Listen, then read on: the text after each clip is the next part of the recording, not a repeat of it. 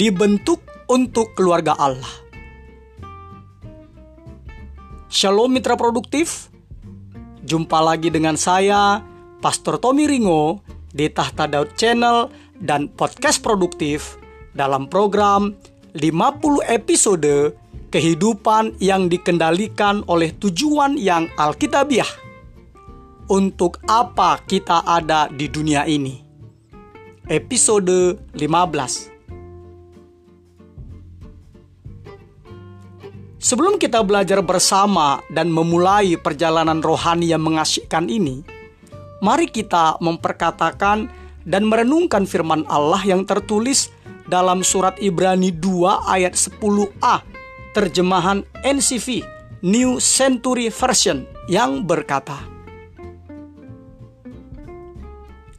Allah lah yang menjadikan segala sesuatu dan segala sesuatu adalah bagi kemuliaannya. Dia ingin agar anak-anaknya berbagi kemuliaannya. Juga di dalam surat 1 Yohanes 3 ayat 1a yang berkata, Lihatlah betapa besarnya kasih yang dikaruniakan Bapa kepada kita, sehingga kita disebut anak-anak Allah, dan memang kita adalah anak-anak Allah. Dari ayat tersebut, kita diingatkan bahwa anda dibentuk untuk keluarga Allah. Allah menghendaki sebuah keluarga, dan Dia menciptakan Anda untuk menjadi bagian di dalamnya. Inilah tujuan kedua Allah bagi kehidupan Anda, yang Dia rencanakan sebelum Anda dilahirkan. Sebelumnya, Tujuan pertama Allah bagi kehidupan Anda adalah bahwa Anda dirancang untuk kesenangan Allah. Hal itu sudah kita bahas sebelumnya dari episode 8 sampai episode 14. Kembali ke pokok pembahasan kita di episode ini bahwa Anda dibentuk untuk keluarga Allah. Keseluruhan Alkitab merupakan kisah mengenai Allah membangun sebuah keluarga yang akan mengasihinya, menghormatinya, dan memerintah bersamanya selama-lamanya. Alkitab berkata dalam surat Efesus 1 ayat 5 terjemahan New Living Translation berkata, Rencananya yang tidak pernah berubah sejak semula ialah mengangkat kita menjadi keluarganya sendiri dengan membawa kita kepada dirinya melalui Yesus Kristus. Dan ini sangat menyenangkan baginya.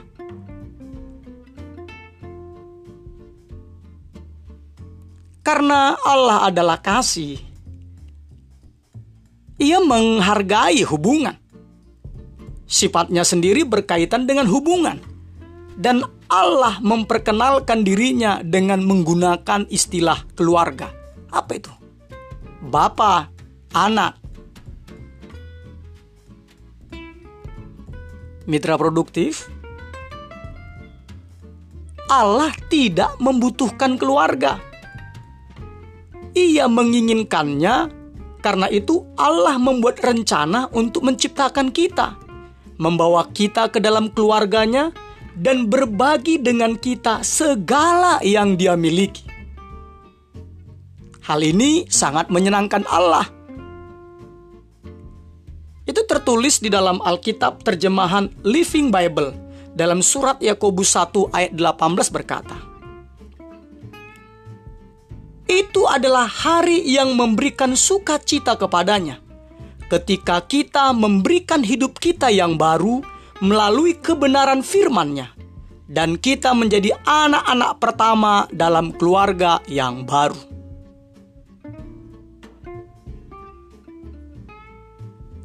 Ketika kita menempatkan iman kita dalam Kristus Yesus, maka Allah menjadi Bapa kita dan kita menjadi anak-anaknya. Orang-orang percaya lainnya menjadi saudara-saudara kita, dan gereja menjadi keluarga rohani kita. Keluarga Allah mencakup semua orang yang percaya di masa lalu, di masa sekarang, dan masa yang akan datang. Memang semua manusia diciptakan oleh Allah. Tetapi tidak semua orang merupakan anak Allah. Satu-satunya cara, satu-satunya jalan untuk menjadi keluarga Allah adalah dengan dilahirkan kembali ke dalamnya. Sama seperti Anda menjadi bagian dari keluarga manusia melalui kelahiran pertama Anda Begitu juga Anda menjadi anggota keluarga Allah melalui kelahiran Anda yang kedua.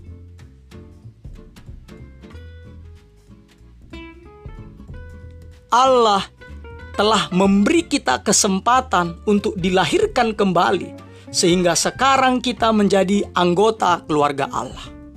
Ini tertulis dalam 1 Petrus 1 ayat 3a, terjemahan firman Allah yang hidup, dan juga Mitra produktif dapat melihatnya di dalam surat Roma 8 ayat 15 sampai 16.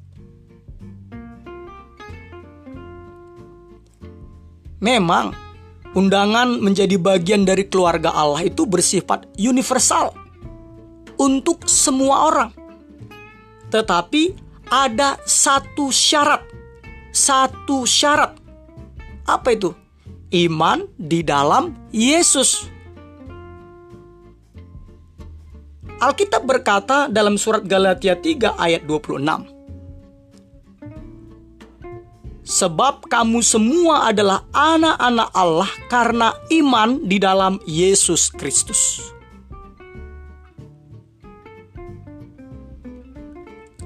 Mitra produktif.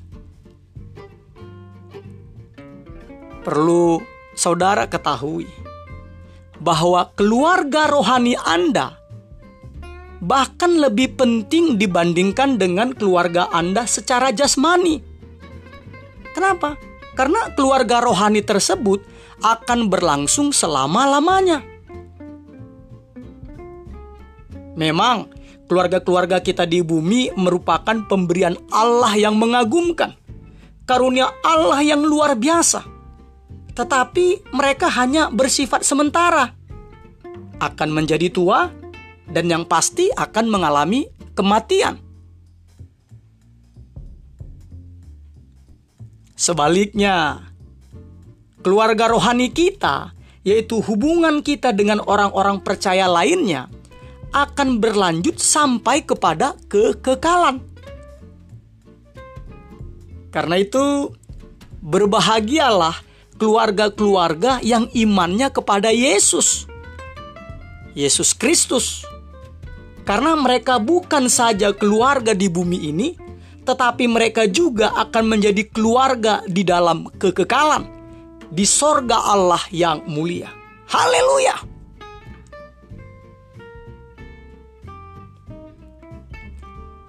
Ketika Paulus mengingat tujuan kekal Allah bagi kita semua, ia memuji Allah dan berkata dalam surat Efesus 3 ayat 14 sampai 15 terjemahan firman Allah yang hidup. Bila mana saya merenungkan kebijaksanaan dan kebesaran rencananya, saya bersujud dan berdoa kepada Bapa yang mengepalai keluarga Allah yang besar itu. Sebagian anggotanya sudah berada di surga, dan seba dan sebagian lain masih di dunia ini.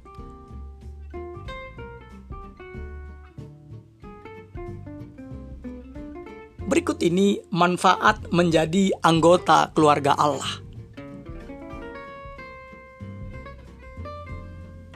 Mitra produktif, saat Anda dilahirkan secara rohani ke dalam keluarga Allah, Anda diberikan hadiah-hadiah kado untuk hari kelahiran Anda yang mengagumkan. Apa itu? Nama keluarga, keserupaan dengan keluarga, hak-hak istimewa, akses yang hanya diberikan untuk keluarga, dan warisan keluarga. Ini saudara bisa membacanya di dalam 1 Yohanes 3 ayat 1, Roma 8 ayat 9, Galatia 4 ayat 6 sampai 7, Roma 5 ayat 2, 1 Korintus 3 ayat 23, Efesus 3 ayat 12, 1 Petrus 1 ayat 3 sampai 5, Roma 8 ayat 17. Makanya Alkitab terjemahan firman Allah yang hidup dalam surat Galatia 4:7b berkata, Karena kita adalah anaknya, segala miliknya adalah milik kita, sebab demikianlah rencana Allah. Amin.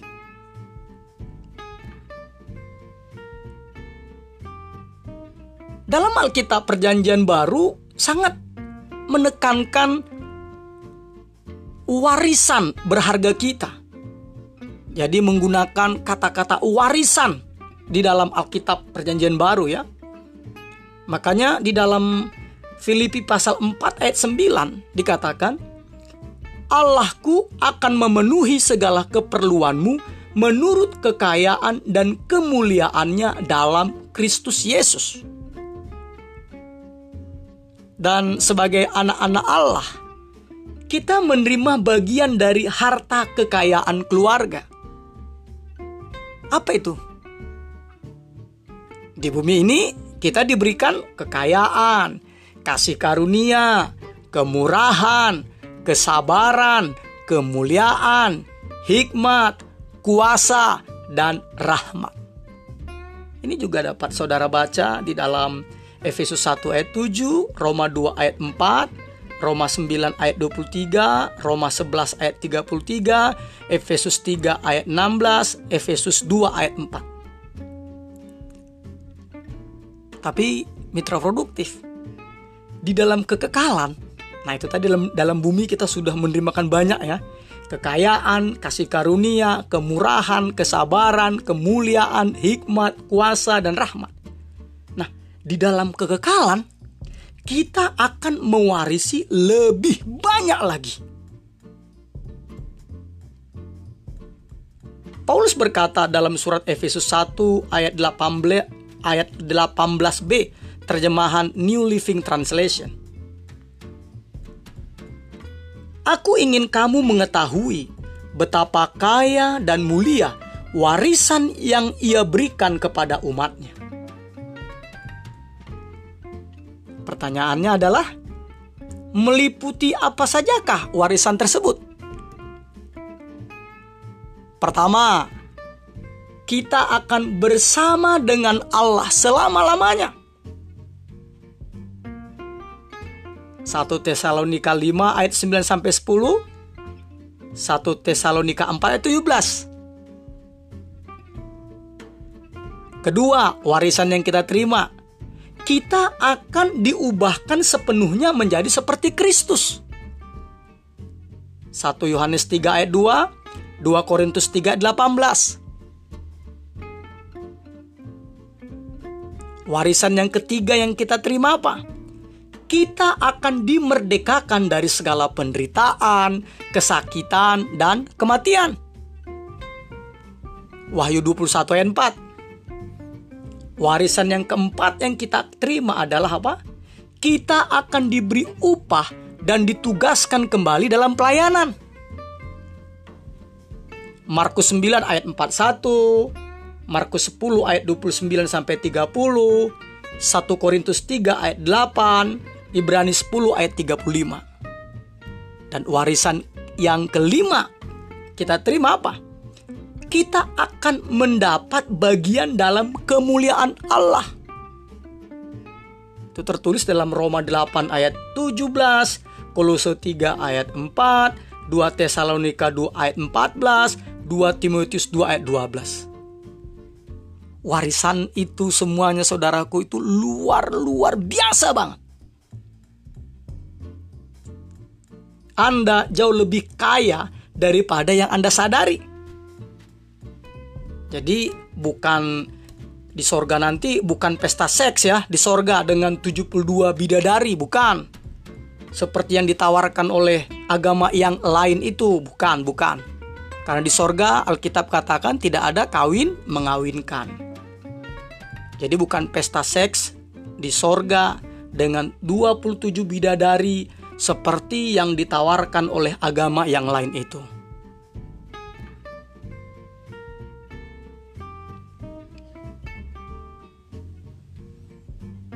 Kembali lagi ke Alkitab.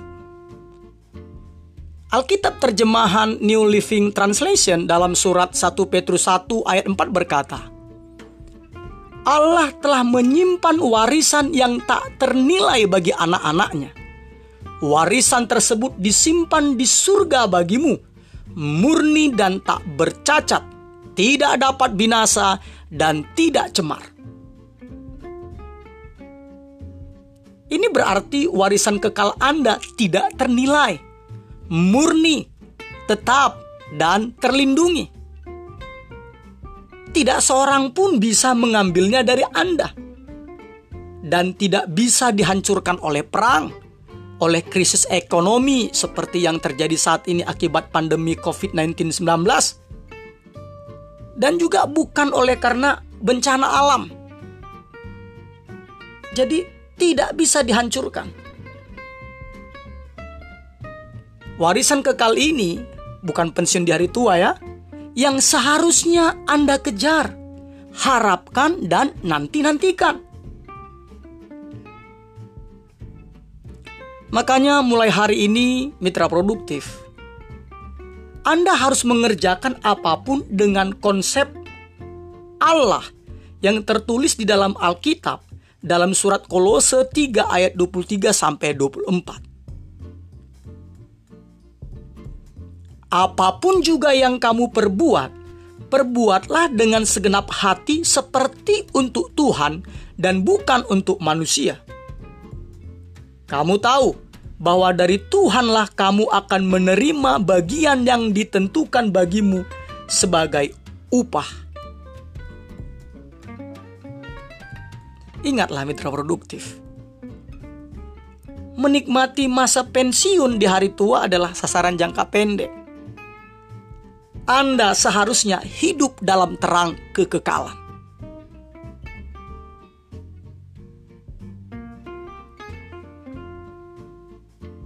Saat ini kita akan berbicara tentang baptisan.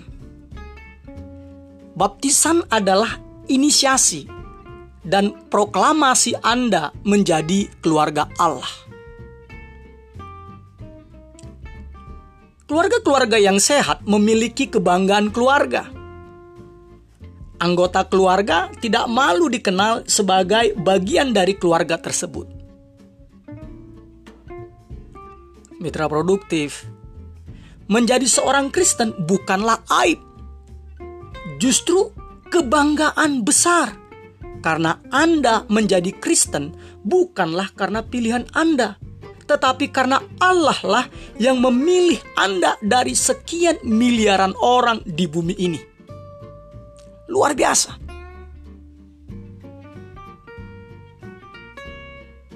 Kebanggaan besar menjadi seorang Kristen.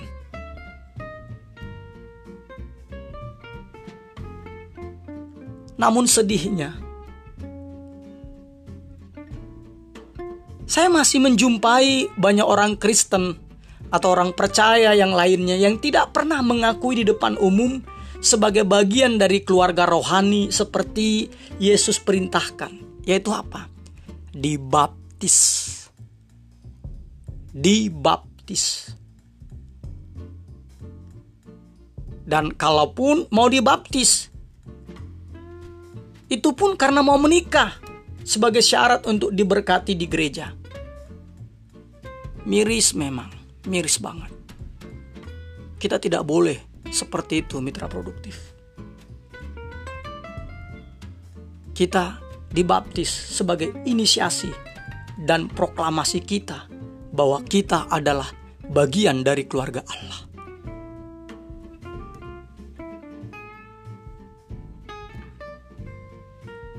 Baptisan bukanlah suatu upacara atau ritual pilihan yang bisa ditunda, tidak bisa. Dia bukan pilihan yang bisa ditunda baptisan mempunyai makna masuknya Anda dalam keluarga Allah. Baptisan mengumumkan secara terbuka kepada dunia. Saya tidak malu menjadi bagian dari keluarga Allah. Saya bangga banget. Pertanyaannya, sudahkah Anda dibaptis?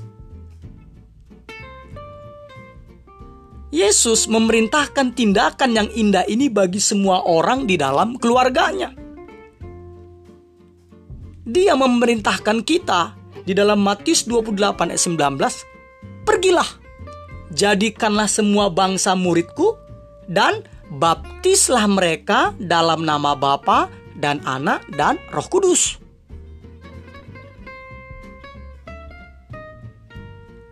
Mengapa baptisan begitu penting sama pentingnya dengan tugas besar penginjilan dan pemuritan? Jawabannya adalah karena baptisan melambangkan tujuan Allah yang kedua bagi kehidupan Anda, yaitu Anda menjadi bagian dalam persekutuan keluarga Allah yang kekal.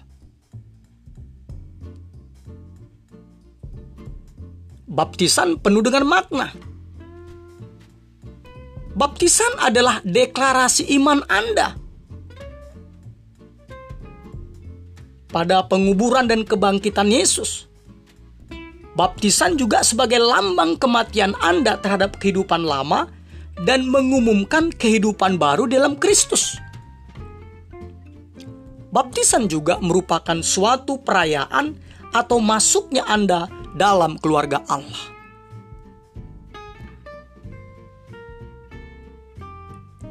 Baptisan tidak menjadikan Anda anggota keluarga Allah. Hanya iman di dalam Kristus Yesuslah yang mengerjakan hal itu. Saya ulang lagi ya. Baptisan tidak menjadikan Anda anggota keluarga Allah. Hanya iman di dalam Kristus Yesuslah yang mengerjakan hal itu. Baptisan menunjukkan bahwa Anda adalah bagian dari keluarga Allah.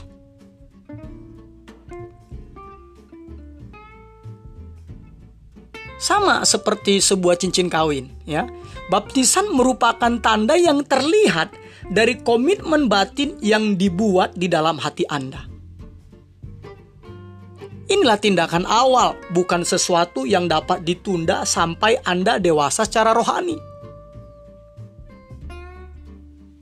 Satu-satunya syarat yang alkitabiah adalah percaya saja. Percaya saja. Silahkan saudara baca di kisah para rasul 2 ayat 41, kisah para rasul 8 ayat 12 sampai 13, kisah para rasul 8 ayat 35 sampai 38.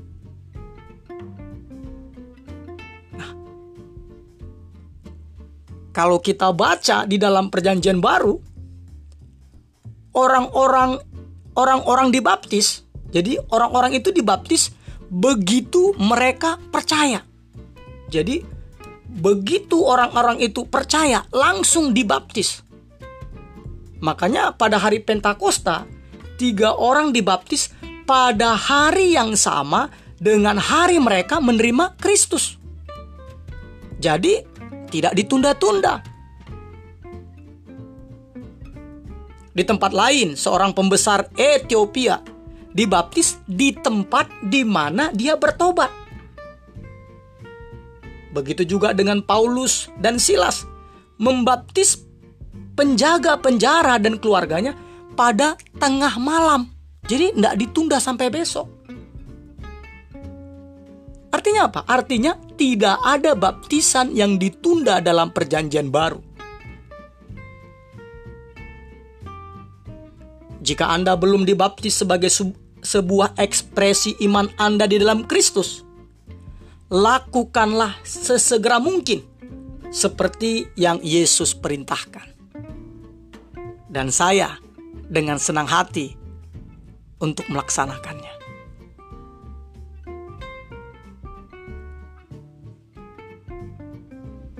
Berikutnya adalah hak istimewa yang terbesar dalam hidup Firman Allah yang tertulis dalam Ibrani 2 ayat 11 berkata, Sebab ia yang menguduskan, ini maksud Yesus Kristus ya, sebab ia yang menguduskan dan mereka yang dikuduskan, mereka semua berasal dari satu. Itulah sebabnya ia, yaitu Yesus Kristus, tidak malu menyebut mereka saudara. Biarkan kebenaran yang luar biasa ini memerdekakan Anda dan menetap dalam hati Anda sepenuhnya. Karena Yesus telah menguduskan dan kita telah dikuduskan. Dan kita akhirnya berasal dari satu, yaitu berasal dari Allah. Oleh karena itu Yesus tidak malu menyebut kita sebagai saudaranya. Haleluya. Karena itu mitra produktif. Anda adalah bagian dari keluarga Allah dan karena Yesus menjadikan Anda kudus, saya ya, Anda adalah bagian dari keluarga Allah. Dan ketika Yesus menjadikan Anda kudus, Allah bangga dengan Anda. Bangga dengan Anda.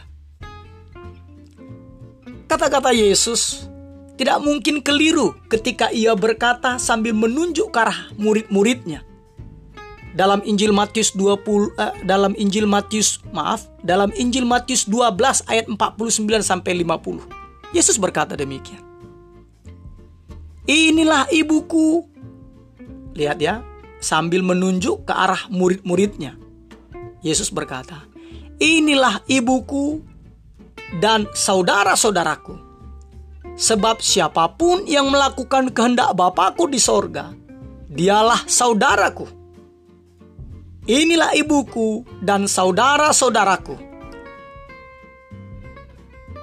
Sebab siapa pun yang melakukan kehendak Bapakku di sorga, sekali lagi saya bacakan apa dikatakan, dialah saudaraku laki-laki, dialah saudara, dialah saudaraku perempuan, dialah ibuku. Haleluya!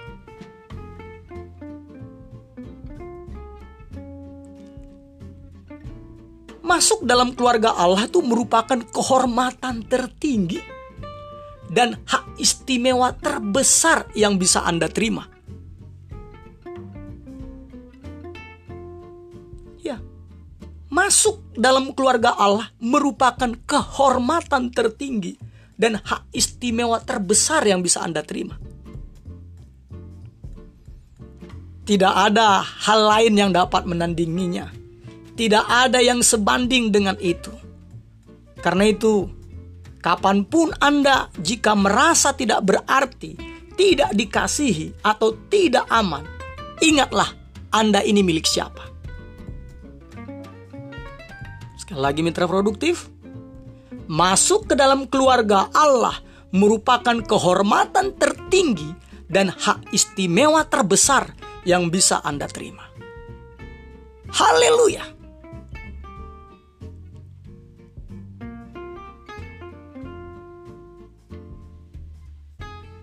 Episode 15 Berpikir dan merenungkan tujuan hidup kita.